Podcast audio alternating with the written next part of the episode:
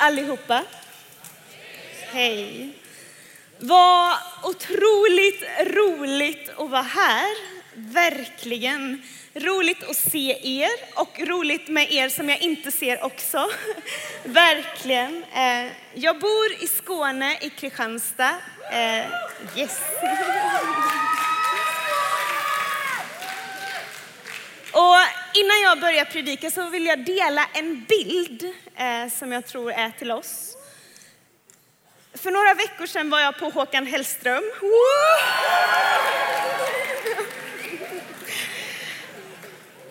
I konserten på slutet med 70 000 åskådare på Ullevi så hände följande. Det är ett konfettiregn, ni vet sådana här som flyger ut över publiken.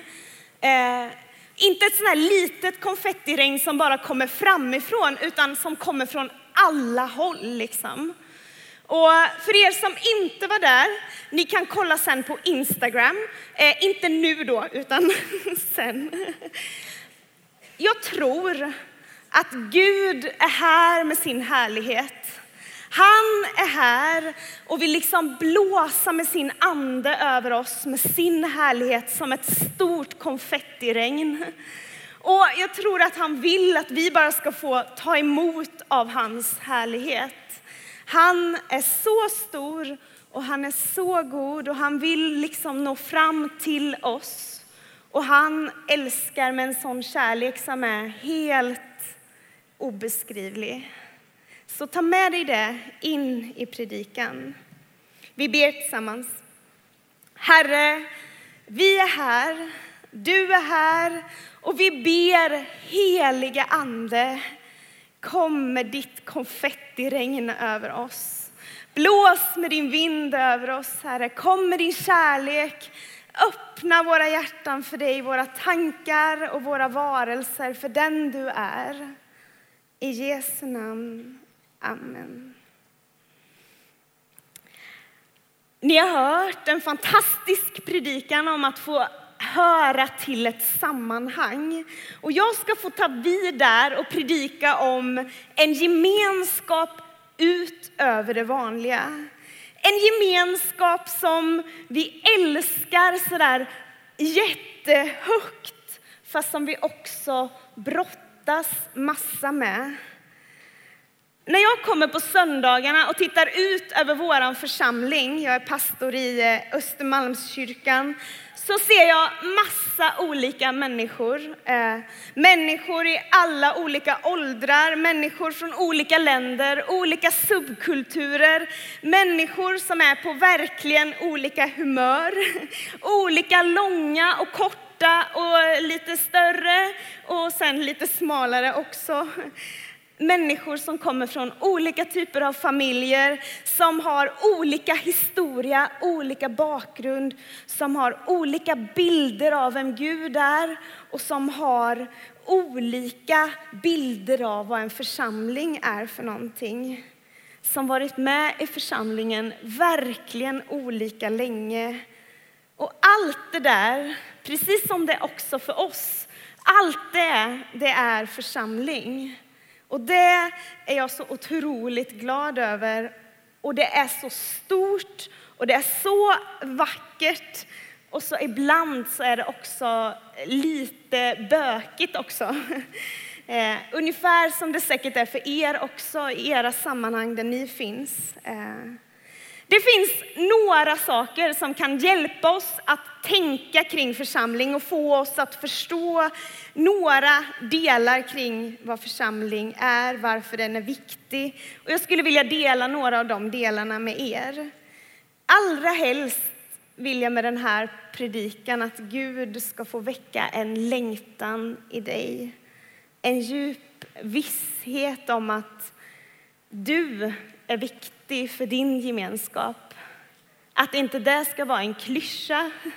Det är inte något man bara sjunger i söndagsskolan, utan att du på riktigt ska få erfara en djup visshet om att du är viktig för din gemenskap. Du är där av en anledning och att du skulle vilja och våga ta det på allvar. Församling är också kärlek till människor som vi inte har valt. I alla fall inte alla har vi inte valt. Och jag vill stampa av i Matteus evangeliet kapitel 4 och kallelsen som Jesus ger till de första lärjungarna. Ungefär som den stora uppdragsbeskrivningen skulle man kunna säga att det är. Och allt börjar ju egentligen med Jesus och vi läser tillsammans. När han vandrade ut med Galileiska sjön fick han se två stycken bröder Simon som kallades Petrus och hans bror Andreas. De stod vid sjön och fiskade med kastnät, för de var fiskare. Och han sa till dem, kom och följ mig. Jag ska göra er till människofiskare. Och de lämnade genast sina nät och följde honom. Och när han gick vidare så fick han se två stycken andra bröder, Jakob, Sebedaios son och hans bror Johannes, sitta tillsammans med sin far Sebedaios i båten och göra i ordning sina nät. Jesus kallade på dem och genast lämnade de båten och sin far och så följde de med honom. Det verkar som att de här männen, som är de första lärjungarna, är vanliga killar, ganska så unga, säkert yngre än vad vi tänker. Vi kanske ser framför oss några så här äh, skäggiga gubbar. Men det verkar som att de är ganska vanliga killar i ganska vanliga situationer i livet med olika yrken och eh, olika härkomst i det här gänget av tolv lärjungar. Och att det som förenar dem, det är att de svarade ja på den här rösten som sa Kom, följ mig. De verkar som att de har lyssnat på samma röst. Jag kommer att göra er till det som ni är tänkta att bli. Ni kommer att få göra det som ni är kallade att göra. Jag ska göra er till människofiskare. Och ibland så tänker vi kanske om vår församling så här, ja, ja, vi hänger ihop alla vi, vi hör ihop och ja, jag är med för min mamma var med, min mormor var med och hennes mormor var med och dens mormor var också med. Och, och så tänker vi, ja men det är klart att vi är olika liksom. Det fattar man ju. Det, det. Men om vi tänker på att vi tillhör en gemenskap där vi inte har valt alla personer, utan där Gud har valt oss. Bibeln säger också på ett ställe att Gud har utvalt oss till att gå ut i världen och bära frukt som består. Gud har kallat oss till sin gemenskap och det verkar som att det är han som har tagit alla olika personer och satt dem samman till någonting som han ville. Och då så förstår vi också att det där det är en stor utmaning. Jag menar, det hade ju varit en sak om det var alla ens bästa kompisar bara. Men nu är det inte bara du och dina bästa kompisar, utan nu är det alla möjliga olika personer. Och det en stor utmaning, fast det är också en stor kraft och en stor styrka. Församlingen är någonting mer än bara en klubb av liksom mina bästa kompisar. Det är någonting mycket, mycket, mycket större. Den är världsvid, den sträcker sig över hela jorden. Den består av alla olika typer av människor och det finns en stor kraft i det. Jesus är den sammanhållande länken. Allt hänger ihop på grund av honom. Utan honom så skulle kanske inte alla vi hänga samman heller, eller hur?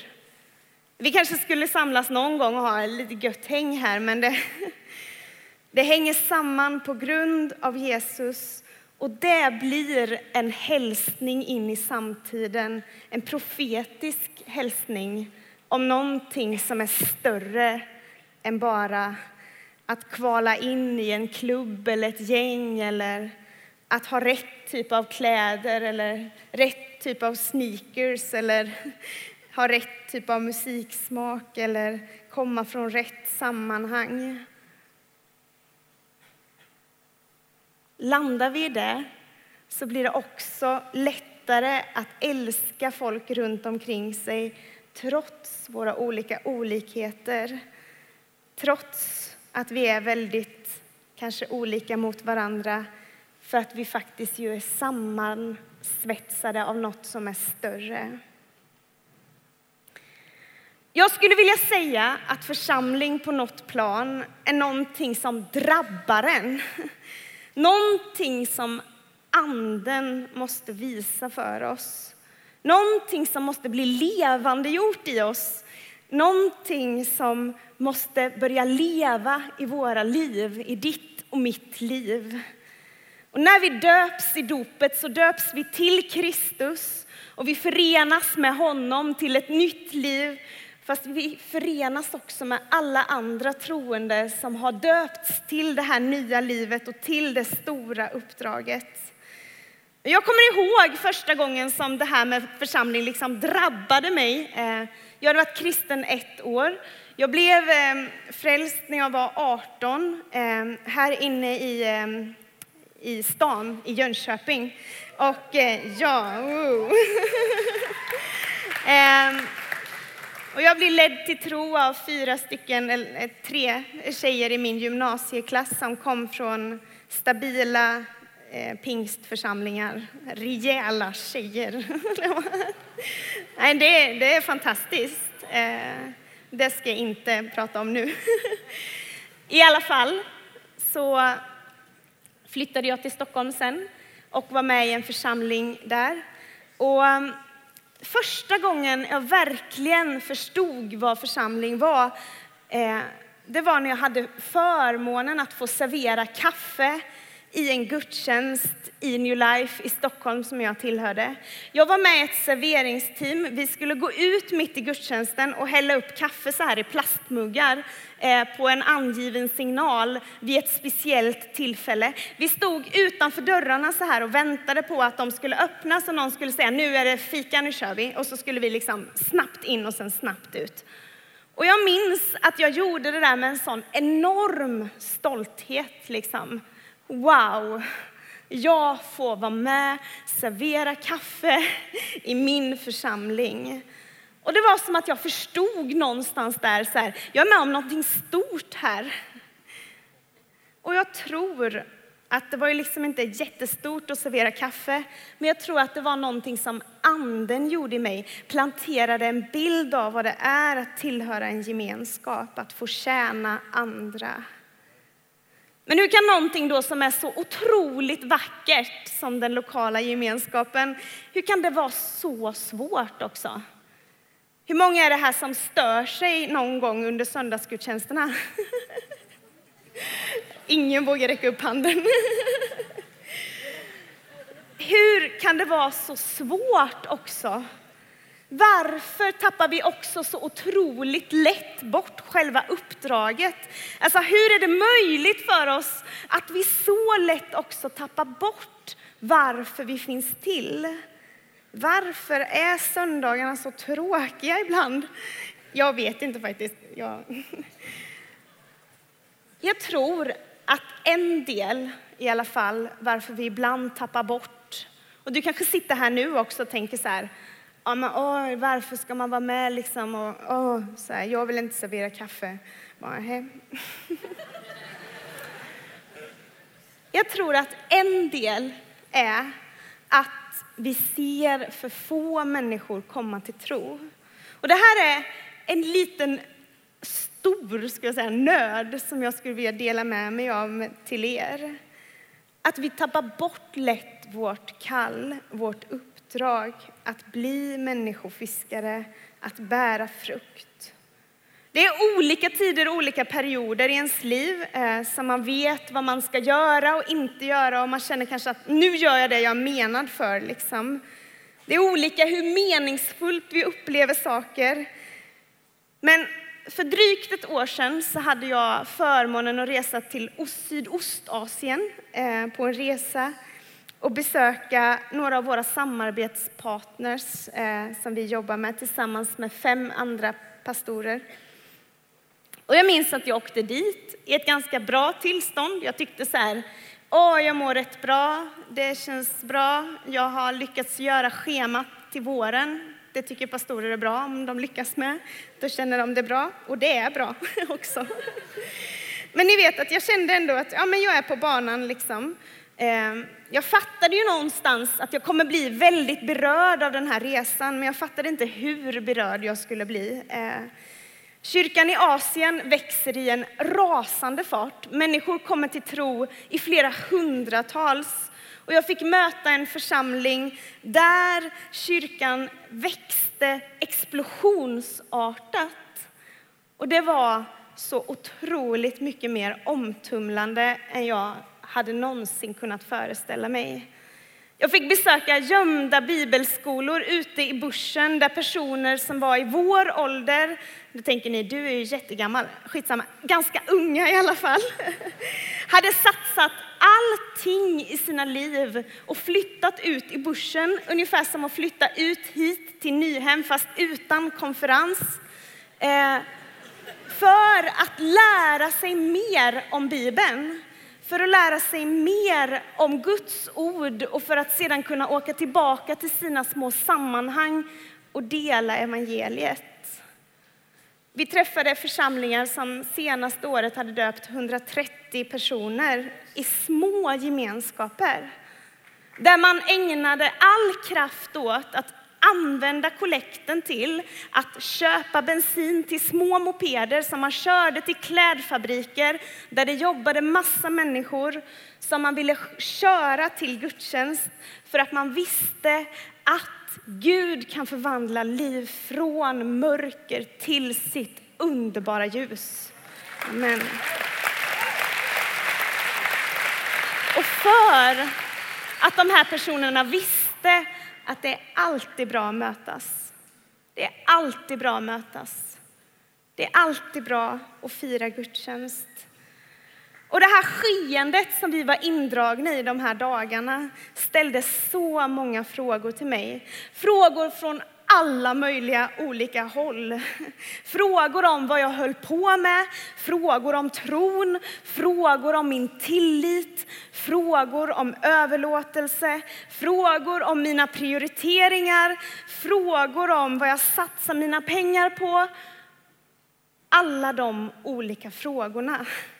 Inte på ett fördömande sätt. Inte på ett sånt sätt så här, nu sågar jag längst ner vid dina fotknölar så att du inte kan stå upp längre. Utan på ett sånt sätt som väckte en sån djup längtan i mig. En längtan att få se fler människor komma till tro. Fler bli förvandlade. En längtan att få göra rätt saker satsa sin tid och sina pengar på rätt saker. Och jag kom hem med den här känslan av att bara, jag gör rätt saker. Ho, ho. Och det är inte nödvändigtvis så att vi gör dåliga saker, utan vi väljer mellan många bra saker. Men gör vi rätt saker första äldstesamlingen som vi hade, som jag ledde, så kunde jag bara gråta typ i en timme. Sen undrade nog alla bröderna vad jag hade varit med om egentligen. Det var så djupt i mig, den här, det här mötet. Församlingen är Guds plan för att rädda den här världen. Din och min församling. Församlingen här i Sverige och församlingen långt borta på andra sidan jorden, ute i bushen i Sydostasien. Där vänds människors liv från mörker till ljus och det gör det också här. Tack för ditt vittnesbörd. Det var fantastiskt att få höra.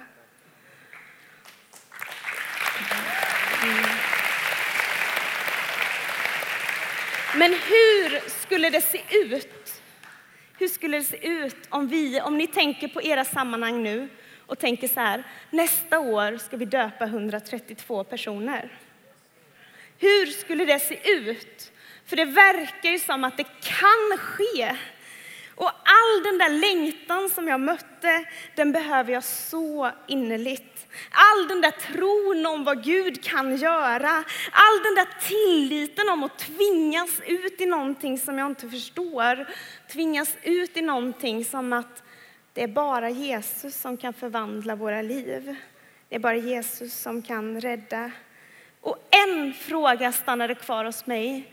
Och det är en fråga som man nästan kan skämmas för, men som jag skulle vilja skicka med till er. Och det är, tror jag verkligen att människor kan komma till tro? Tror jag verkligen det? Jag ska dela ett möte med en person och ett bibelställe till. Vi ska läsa från Matteus 16. Sedan sa Jesus till sina lärjungar, om någon vill gå i mina spår måste han förneka sig själv, ta sitt kors och följa mig. Ty den som vill rädda sitt liv ska mista det, men den som mister sitt liv för min skull, han ska finna det. Vad hjälper det en människa om hon vinner hela världen men måste betala med sitt liv? Med vad ska hon köpa tillbaka sitt liv? Människosonen ska komma i sin faders härlighet med sina änglar och då ska han löna var och en efter hans gärningar. Sannerligen, några av dem som står här ska inte möta döden förrän de sett Människosonen komma med sitt rike. Jag sitter i ett klassrum ute i den här bussen på ett hemligt ställe i ett hemligt land som jag inte kan säga med en person som är ungefär fem år yngre än mig. Och han läser till pastor och han frågar mig hur deras sammanhang kan bli mer som vårat sammanhang i västvärlden. Jag vet inte riktigt vad han menar, men jag kan tänka mig att han har någon bild av USA kanske eller någonting, hur kyrkan i väst är.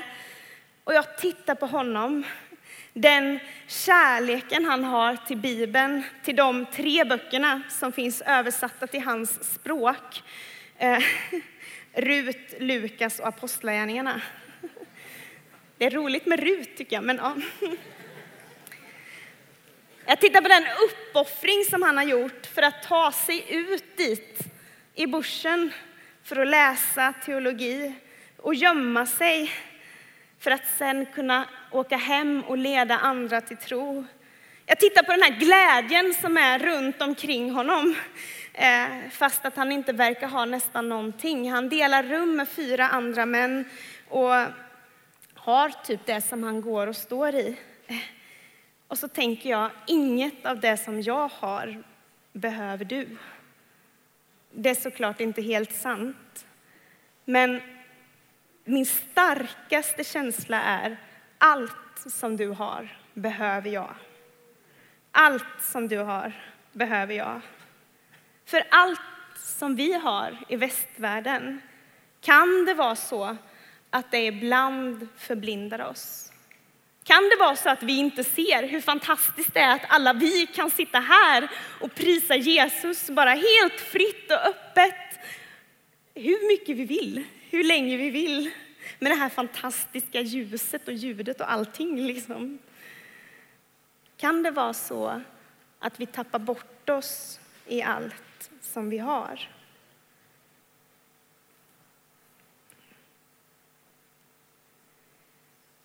Kan det vara så att allt som jag har ibland har ätit upp hela uppdraget och essensen? Och samtidigt så talade Gud så otroligt starkt om den där kärleken som förvandlar. Kärleken till den egna gemenskapen. Kärleken till Östermalmskyrkan. Kärleken till sitt eget sammanhang. För att kärleken är en förvandlande kraft. Vi kan inte älska vår bild av gemenskapen mer än den gemenskap vi tillhör, sa en teologfarbror för ett gäng år sedan. Det betyder alltså att om vi har en drömbild av gemenskapen och älskar den mer än tanterna och farbröderna som vi träffar på söndagar, då är vi fel ute. Det är bara att sätta igång och älska tanterna och farbröderna och alla andra som inte är som du och som du stör dig på. Och be om en sån där kärlek som kan förvandla, som Gud kan ge, som kommer få världen att tro. Se hur de älskar varandra. Jag skulle vilja skicka med en utmaning utifrån den här texten vi läste precis. Och det är att bygga ett skydd runt din tro, du som är ung. Att bygga ett skydd runt din tro så att den håller. Vi närmar oss slutet på predikan och jag vill skicka med den här utmaningen. En utmaning om att våga att tänka på dig själv som en viktig del i bygget. Våga bli en aktiv del. Våga göra val som gör att du blir en aktiv del. Och samtidigt våga att inte ta dig själv på så stort allvar. Våga göra val som går i enlighet med den här texten och du kommer finna ett mycket rikare liv än den här världen basunerar ut. Ett mycket djupare liv, ett mycket fastare liv och en mycket större frihet. En riktig frihet. Ty den som vill rädda sitt liv ska mista det, men den som mister sitt liv för min skull, han ska finna det. Vad hjälper det en människa om hon vinner hela världen, men måste betala med sitt liv? Med vad ska hon köpa tillbaka sitt liv? Jag skulle vilja uppmana dig att ta ett aktivt steg, att välja att älska tanterna och farbröderna att finnas kvar i tron och i gemenskapen. Det kommer krävas så mycket mer av dig än vad du tror. Många mer val, många fler medvetna val. Och samtidigt, våga tänk om dig själv att du är viktig på riktigt. Rädda inte ditt projektbygge, din image eller ditt varumärke eller dina framtida karriärsval eller pengar eller ytor. Utan den som du är på riktigt, den är viktig. Jag vill alltid när jag känner så här, åh, då måste jag nästan hoppa jämfota. Du är så viktig. Mer än du tror. Din del är oersättlig och du får vara en del av den större gemenskapen. Så jämför inte dig. Jämför inte dig. Du ska inte bli någon annan. Du ska bli den du är. Och lyssna till den där rösten. Följ mig. Jag ska göra dig till människofiskare. Och så önskar jag, om det är någon som är äldre här, eller om någon eh, kan skicka med till någon äldre, att vi som är äldre skulle lyssna på er som är yngre. För att hur framtidens församling och Jesusrörelse ska se ut, det är ju vi som sitter på det. Hur det kommer dofta, hur det kommer bli, hur det kommer växa och hur många fler som kommer att få bli kristna och får döpas till en tro till Jesus. Du och jag, vi har uppdraget i våra händer. När jag blev frälst så fick jag en längtan att varje morgon be klockan sju. Eh, på, jag gick på musikestet på Per Brahe. Eh, det är fint. Så jag gick dit varje morgon klockan sju. I två månader gjorde jag det själv eh, varje dag. Eh, sen efter det så började det komma till en efter en och det blev som en liten rörelse. Vi blev fler och fler och i slutet av terminen så var vi ungefär 40 personer som var där och bad varje morgon. Våga tänka om dig själv att min lilla del, den kan bli mycket större. Vi kanske kan få döpa 132 personer. Den längtan som vi mötte i andra delar av världen, vi måste få smittas av den. Låt den få förvandla er. Låt den få bli frön och växa ut i oss. Men låt oss också se Guds skeende här hos oss. Vi fick fira dop förra veckan och kommer ha dop nästa söndag igen. Och vi får finnas i den här rörelsen och kliva ut i tro att fler ska få lära känna Jesus. Får jag bara avsluta med att berätta jättekort om en person och sen bjuda in till förbön. För, förra veckan döpte vi Hassan. Han har flytt hit från Irak. Han har varit på resande fot i en månad. Han hade under sin resa mött kristna och han hade blivit så berörd av att de hade behandlat honom som en av dem. Som att han var en i gänget liksom. Han kliver ut på stationen i Kristianstad och där mittemot ligger den stora stadskyrkan, ungefär som Sofiakyrkan. Han upplever en doft, en doft som är så underbar så han fattar inte vad det kan vara för någonting. Och han säger I was drawn to it, jag blir dragen av den. Han går och inser att det kommer från den här kyrkan. Han går fram till den och knackar på dörren och så är det en man som öppnar och säger så här, Vem är du? Välkommen! Och han genomsköljs av ljus. Han upplever heliga ande där av att han har upplevt Kristusdoften. Tänk vad det doftar gott där vi går fram utan att vi vet om det. Du är så viktig där du går fram. Amen.